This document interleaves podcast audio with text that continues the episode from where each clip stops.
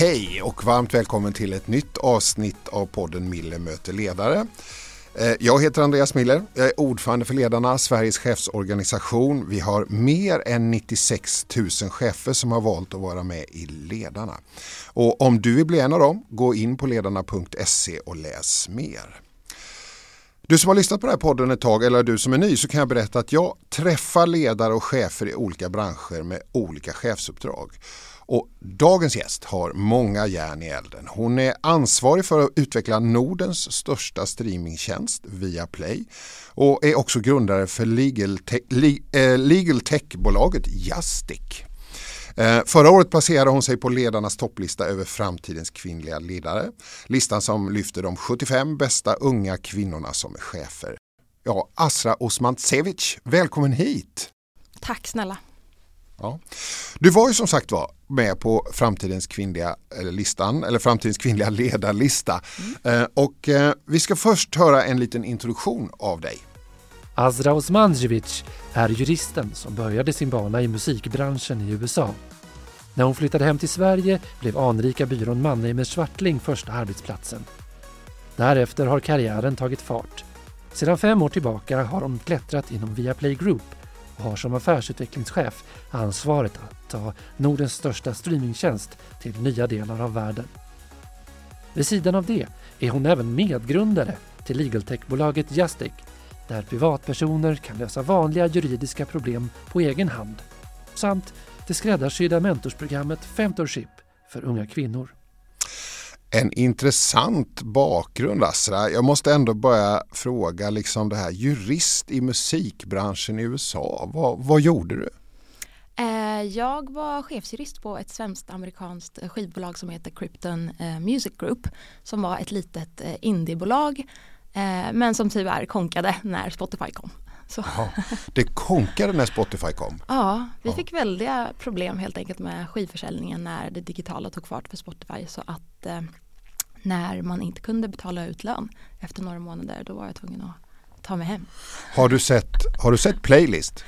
Eh, nej, faktiskt inte. Den ligger fortfarande på min to-do-list. Ja, just det. Det är ju en, en konkurrent till dig, en streamingtjänst mm. som serverar den. Mm. Men där är ju just den här problematiken som du lyfter.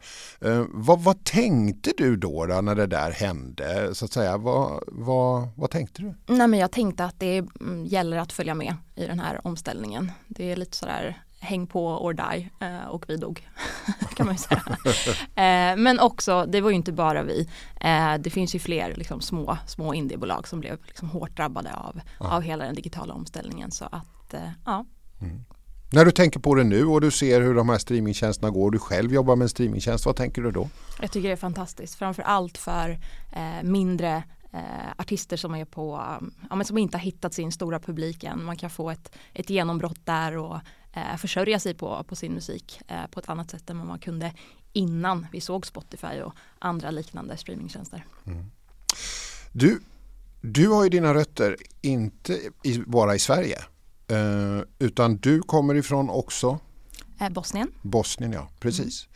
Du, det här då, när, när, när lämnade du Bosnien? Jag och min mamma lämnade eh, Bosnien när kriget bröt ut där på Balkan. Det här var 1992. Mm. Eh, så att eh, jag och min mamma kom till Sverige när jag var fyra. Mm. Vad minns du av det? Inte särskilt mycket men jag minns väldigt tydligt när vi sa hej då till min pappa på busstationen. Mm. Att vi liksom high-fivade genom glasrutan och han grät och jag fattade inte varför. Mm. Det minns jag. Lever din pappa idag? Han lever. Eh, han var kvar i, under hela kriget i Bosnien. Kom till Sverige eh, och var här drygt ett halvår och kände bara oh, vilket kallt och mörkt land. Eh, det här var inte för honom så han åkte tillbaka direkt. Eh, men han lever i och mår bra i Bosnien. Mm. Du, då kom du ju till eh, Sverige och ni hamnade om jag förstod saken rätt i Degerfors va? Ja, alltså vi hamnade egentligen i, eh, jag bodde ett par år i eh, Göteborg på Bergsjön innan vi hamnade Aha. i Degerfors. Okay. Eh, så vi bodde på Komettorget som ju är liksom ändhållplatsen på spårvägen till, till Bergsjön. Så vi snackar ju alltså om Göteborgs då, Bergsjön är ju Göteborgs motsvarighet till Stockholms Rinkeby eller mm. Malmös mm. Rosengård. Um, Hur var det för dig att komma dit då? Och växa ja, upp där? Jag var ju en av tusentals barn med invandrarbakgrund där och jag, jag älskade verkligen Bergsjön då och jag gör det än idag för att det, det finns en puls och det finns en värme där som jag tycker är svår att hitta på andra ställen i Sverige. Mm.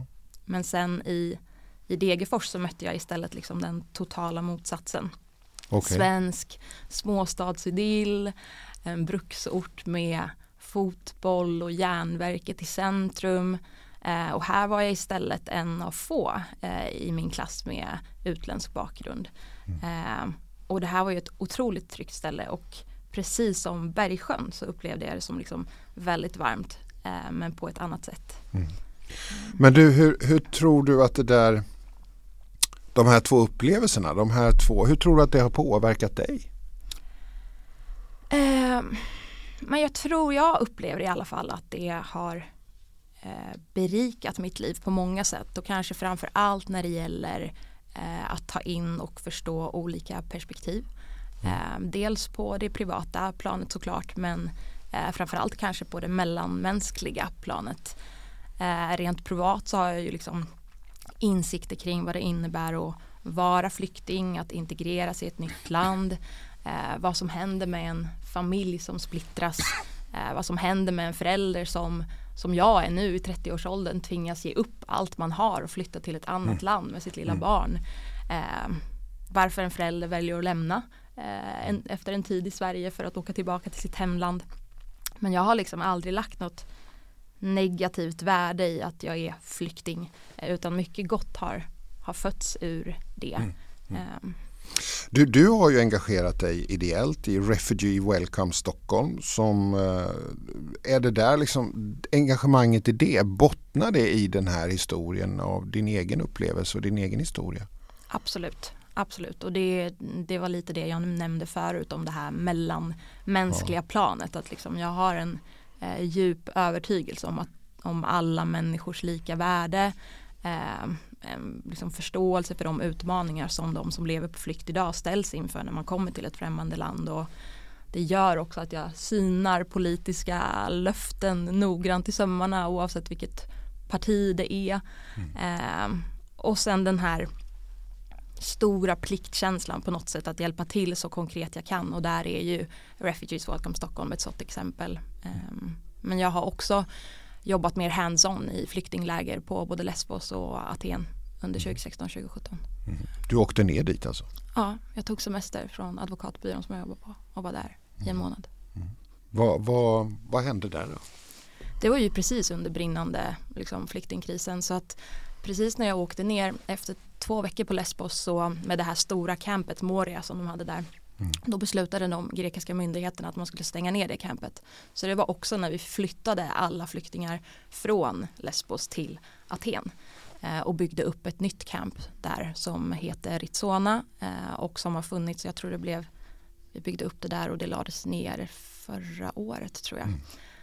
Um, När du var där på Lesbos, såg du dig själv då också?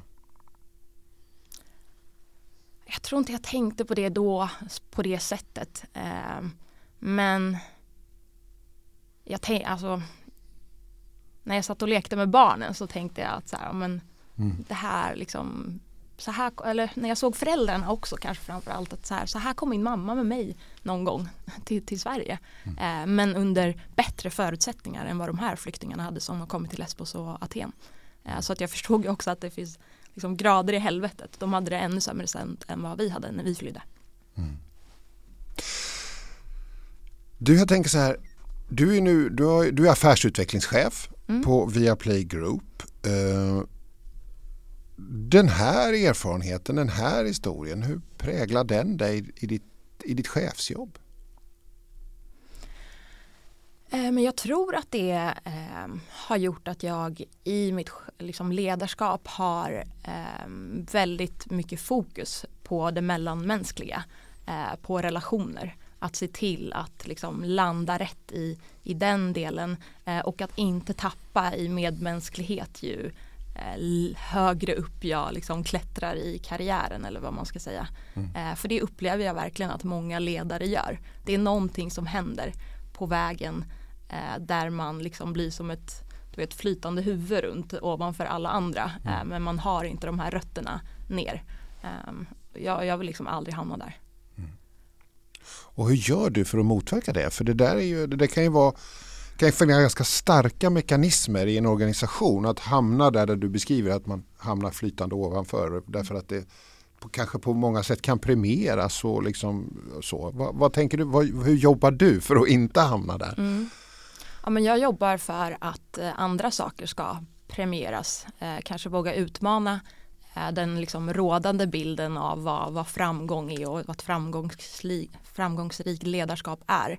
Eh, jag är till exempel väldigt eh, vulnerable, vad är det, så, sårbar ja, ja. i mitt ledarskap. Ehm, jag, eh, ja, som ett exempel på det, min mormor gick bort i, i somras och när jag fick det där meddelandet på morgonen så gick jag direkt in i ett mode där jag var så här, men nu ska jag gå in i det här mötet, jag ska genomföra det så som jag hade tänkt med mitt team, jag skulle ha ett teammöte med hela, hela mm. mitt team där på morgonen. Eh, men sen stannade jag upp och så var jag så här, nej, det här är ju ett perfekt tillfälle för mig att eh, sätta exempel, visa att så här, jag vill inte att ni ska dundra in och genomföra ett möte när ni liksom inte är i balans. Så att jag gick in istället och sa som det var att så här, det här har hänt eh, och eh, vi tar det här mötet eh, en annan gång för jag behöver liksom samla mig. Ehm, och det är exakt så jag vill att min personal ska mm. göra också. Var hon betydelsefull för dig? Mycket. Det var den enda eh, Eh, mor eller farföräldern man ska säga som jag har vuxit upp med. Hon var den enda som följde med till, till Sverige och de andra var kvar där nere. Mm. Mm. En, kvinnlig, en kvinna som förebild? Oh, absolut. Hon och eh, framförallt min mamma också då skulle jag säga. Det är mm. liksom en trio. Mm. Nu är du en förebild. Du finns på FKL-listan. Uh, 75 uh, kvinnor som är chefer och unga och du är med på den här listan. Uh, vad har det inneburit för dig att vara med på den här listan? Ja, men det känns ju oerhört eh, hedrande såklart, eh, i synnerhet eftersom den här utmärkelsen handlar om ledarskap, vilket ju ligger mig väldigt varmt om hjärtat. Mm. Eh, men jag tror också att de liksom, utmärkelserna jag har fått har ju alltid handlat om en team effort. Det har aldrig varit en one woman show på något sätt utan jag har ju väldigt många fantastiska och kompetenta personer i, i ryggen eh, på Viaplay som jag har vuxit och utvecklat liksom mitt ledarskap tillsammans med. Eh, sen har jag eh, jag vet inte vad jag ska säga i den här podden. ja, det kan man absolut Sen har jag lite, lite tudelad känsla när vi snackar liksom kvinnligt ledarskap. För, för mig är det ju bara ledarskap, punkt. Eh, ja. Och jag längtar tills den dagen vi inte behöver ha framtidens kvinnliga ledare-listan längre. Du har ju byggt upp legal tech-bolaget Justic eh, tillsammans med tidigare kollega från Mannheimer och Swartling och även mentorsprogrammet Femtorship. Eh, du Femtorship, ska vi börja där? Vad är det? Ja, men Femtorship är ett eh, evidensbaserat och skräddarsytt eh, mentorskapsprogram som jag startade hösten 2019 Eh, och det bygger vidare på och utvecklar kan man säga eh, de kunskaper och den kompetens som samlades eh, under stiftelsen Stellas ledning som var ett gammalt mentorskapsprogram som fanns i Stockholm under 2007 och 2017 grundades av en kvinna som heter Maria Rosvall, oerhört kompetent. Och jag var mentor i hennes program i många år. Och mm. sen när Maria blev pensionär och la ner Eh, stiftelsen Stella så fortsatte jag få förfrågningar kring mentorskap. Så att då passade jag på när jag var föräldraledig min första omgång eh, att eh, göra en helt enkelt 2.0 version av, av Stella och ta alla de bra sakerna som Maria hade byggt upp i Stella och sen då addera sånt som jag tyckte liksom saknades och också så här börja jobba i sociala medier med programmet och liknande som, som ju inte riktigt var aktuellt på, på den tiden på mm, samma sätt. Mm.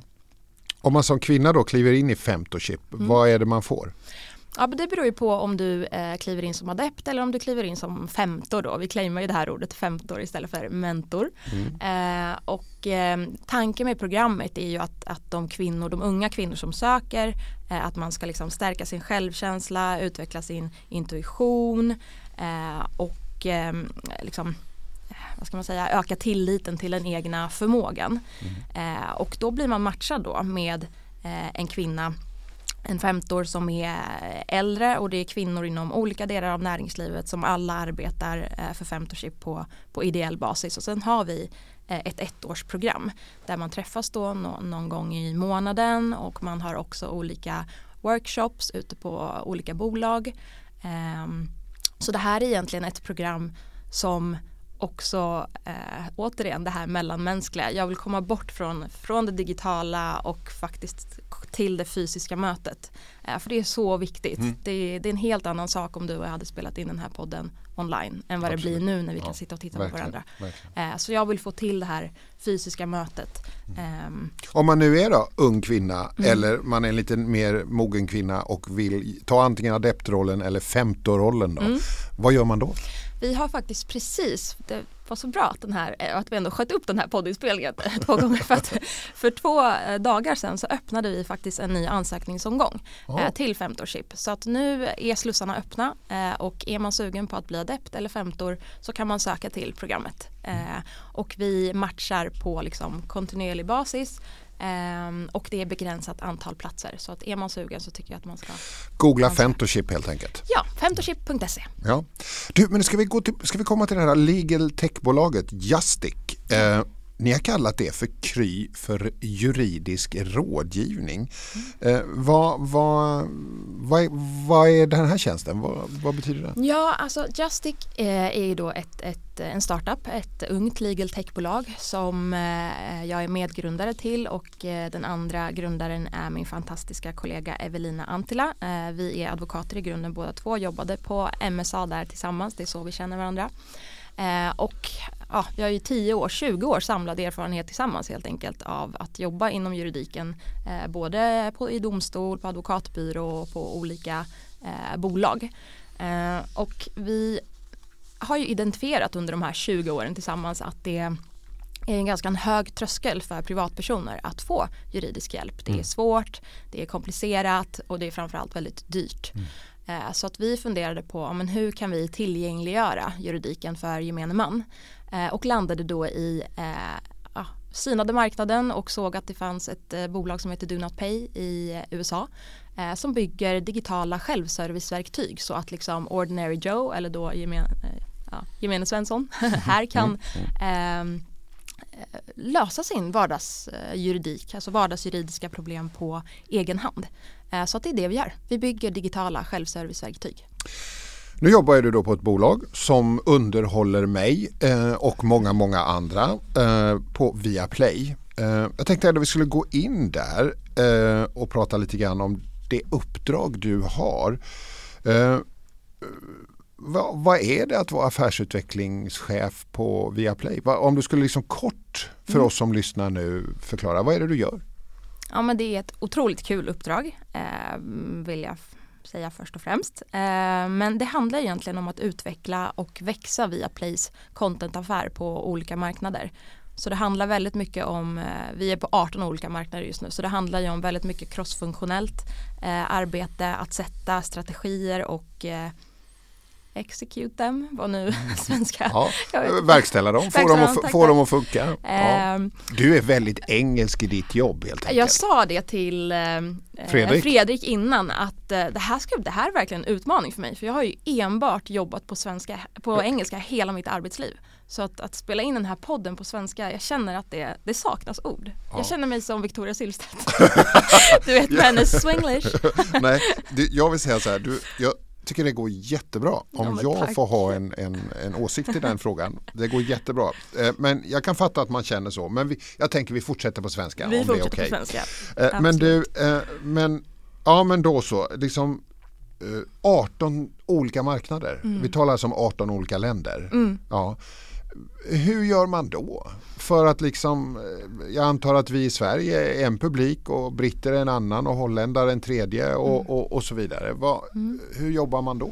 Ja, alltså britter, holländare, amerikaner. Vi snackar ju om liksom oerhört eh, konkurren konkurrensutsatta eh, marknader här. Ja. Eh, och när vi kommer till de här marknaderna så tar ju vi på Viaplay med oss någonting som är väldigt unikt och väldigt omtyckt i de här marknaderna och det är ju Nordic storytelling. Mm. Eh, och det är ju det som är vi är riktigt vassa på och som vi kan kapitalisera på. Eh, naturligtvis så tror inte vi att vi kommer bli marknadsledare på någon av de här marknaderna. Men vi har ju vår tydliga liksom, nisch, vi har vårt fantastiska nordiska berättande som också eh, över tid tror jag kommer att utvecklas till ett mer internationellt europeiskt berättande. Och eh, inom vårt segment så kan vi definitivt bli bäst. Och vi är bäst i Norden. ja, eh, du vet jag har jobbat många år i public service och nu, nu, skulle jag ha sagt om jag jobbar i public service att det finns många andra på den här konkurrenter som säkert tycker likadant. Eh, men jag förstår ju, det är ju ditt uppdrag att tycka att eh, ni är bäst eh, och, och, och, så. Jag Men tycker du... också att Netflix är bäst på det ja. de gör ja. i sitt segment. Mm. Så att, mm. Du, ledarskap. Mm. Eh, eh, så, eh, vad är, vad skulle du säga, vad är liksom, ja hur ser du på dig själv? Ser du dig på dig själv som en förebild, en ledarförebild? Ja, jag ser på mig, jag hoppas att jag är en ledarförebild för mina döttrar i vart fall. Eh, men mm. jag tycker att det är ju en sån här fråga där svaret ligger liksom i betraktarens öga på något mm. sätt. Men om vi eh. säger så här, vi, vi, vi stannar vid döttrarna där då. Mm. Vad vill du att de ska se? Men jag vill att de ska se att man eh, kan ha eh, barn och göra karriär. Att mm. det ena behöver inte utesluta det andra. Jag vill också att de ska se Eh, att eh, jag jobbar hårt. Eh, för att det där jag är idag, det har ju liksom inte bara hänt utan jag, jag har ju liksom hasslat mig fram. Um, och jag tycker att det är viktigt att de, att de ser det kämpandet. Jag förklarar när, när jag hämtar från förskolan eller när jag lämnar på förskolan att så här, nu ska jag gå och jobba. Uh, det betyder att jag ska göra det här. Uh, det betyder att vi kan få pengar så att vi kan gå och handla mat. Alltså jag försöker förklara. Um, och även involvera dem tidigt, tidigt i liksom sysslor så att man känner uh, ansvar. Ansvarstagande eh, kring liksom sitt eget öde. Um, helt enkelt att man, man, man kan styra sitt liv. Eh, sen kommer det hända massa saker under livet. Eh, men det handlar ju hela tiden om hur man, hur man tacklar det. Mm. Eh. Jag tycker det var så gulligt, jag såg dig på sociala medier. Du, mm -hmm. du och dottern hade varit på Myrorna. Ja, det och, och handlat tre dockor och din dotter behandlade de här som ja, små guldstenar nästan. Ja, hon älskar dem. Det här var ju alltså i fredags va? Ja. när jag har ju vobbat då sen 6 januari. Det här är min tredje vecka med liksom, jag har ju två barn, en ettåring och en treåring och de blir ju sjuka om vartannat. Um, så att i fredags så såg jag någonstans att det är liksom, Myrorna skulle ha halva priset på allt så då tog jag henne och så gick vi ner till Myrorna och hon hittade ju de här tre My Little Ponies och du såg ju hur kär liksom, ja, hon, hon var, var väldigt kär. Hon sover med dem och de åker med i vagnen till förskolan varje dag nu. Så att så här, och bara där förklarar jag liksom för henne att så här, det är jättebra att den här typen av affärer finns, det kostar lite mindre, man kan inte alltid gå och köpa nytt. Det är, ja, mm. jag köper nästan aldrig nytt så att, det, ja, hon är med på det, hon är fyra bast. Um. Du, vi har i Sverige fler kvinnor på lägre positioner än på högre. Mm. Och särskilt om vi tittar i näringslivet så mm. är det ju så att ju högre upp vi kommer i näringslivet desto färre är det som är kvinnor och chefer. Mm. Vad vad händer på vägen tror du? Ja, men bra fråga. Um, jag tror att en del inser att ledarskapet inte är för dem. Uh, men sen så tror jag att en större del liksom inte får rätt förutsättningar mm. att utvecklas trots att viljan och kompetensen finns. Uh, men sen apropå frågan så tror jag också det såklart beror på vilket segment man tittar på. Kvinnor är ju i klar majoritet bland högre chefer i kommunerna till exempel eh, och inom andra typer av liksom, socialt och kurativt arbete. Eh, så att, ja. Mm. Eh, vad gör du i ditt chefskap för att promota kvinnor att ta ledande positioner på Viaplay? Ja, men jag gräver en hel del i hur fördomar kring eh, chefskap och kön påverkar värderingen av enskilda eh, chefer. Eh, för jag tror verkligen att det finns en vilja att, att förändra de liksom ojämlika könsfördelningen bland toppchefer. Eh, vilket vi inte har på Viaplay, vilket jag tycker är härligt. Eh, men då för att komma till den här förändringen då så måste man ju adressera frågor så som så här, har vi möjlighet att välja en utbildning och karriärväg eh, som leder till chefspositioner? Eh, varför kan inte männen tillskrivas lika stort eh, ansvar för hemarbete och hur kan vi både män och kvinnor eh, kombinera karriär och barn? Ehm, jag tycker det är jätteviktigt att lyfta de här frågorna på ledningsgruppsnivå eh, och just när det gäller könsfördelning så ser det otroligt bra ut på Viaplay. Mm. Vi är grymma där. Vad är otroligt bra? Är det 50-50? Nej, mer kvinnor än män. Faktiskt just nu. Eh, Asra Osman Cevic, du, det har varit jättekul att ha med dig i den här podden. Eh, fantastiskt roligt tycker jag. Och, eh, vi brukar avrunda lite grann. Mm. Och då brukar den som är gäst få ge ett råd. Och jag tänker så här, en ung kvinna som nu lyssnar på den här podden och som är på väg att ta ett chefsjobb.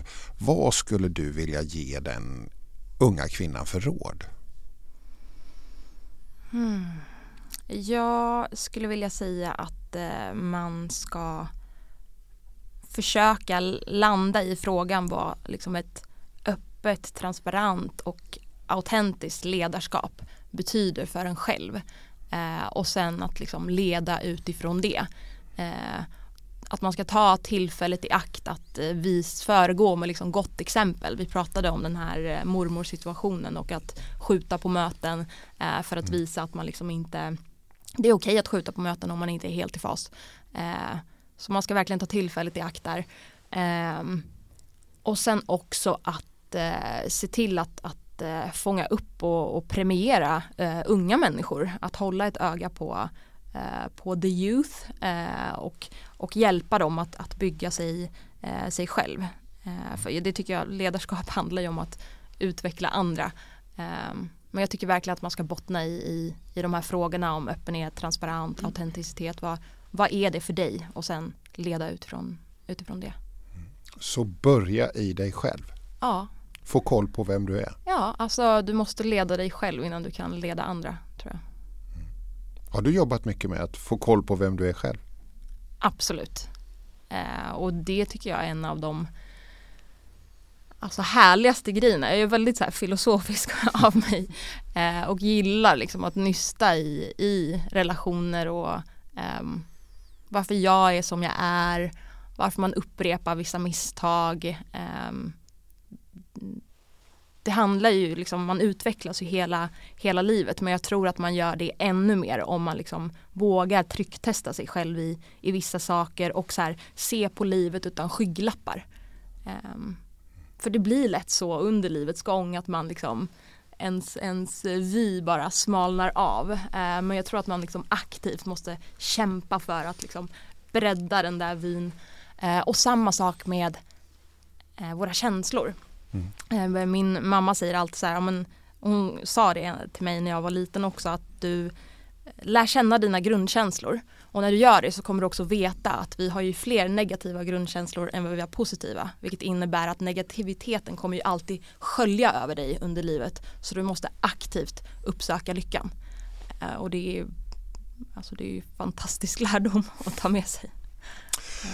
Eh, Asra Omancevic, otroligt roligt att ha dig här. Tack för att du kom till podden Millimeterledare. Du är utvecklingschef på Viaplay Group till vardags eh, och eh, vi får se vad ni producerar. Kanske tar vi del av det framöver. Eh, och du som lyssnare, tack för att du lyssnade på podden och vi kommer snart där poddar finns med ännu ett avsnitt. Tack för idag!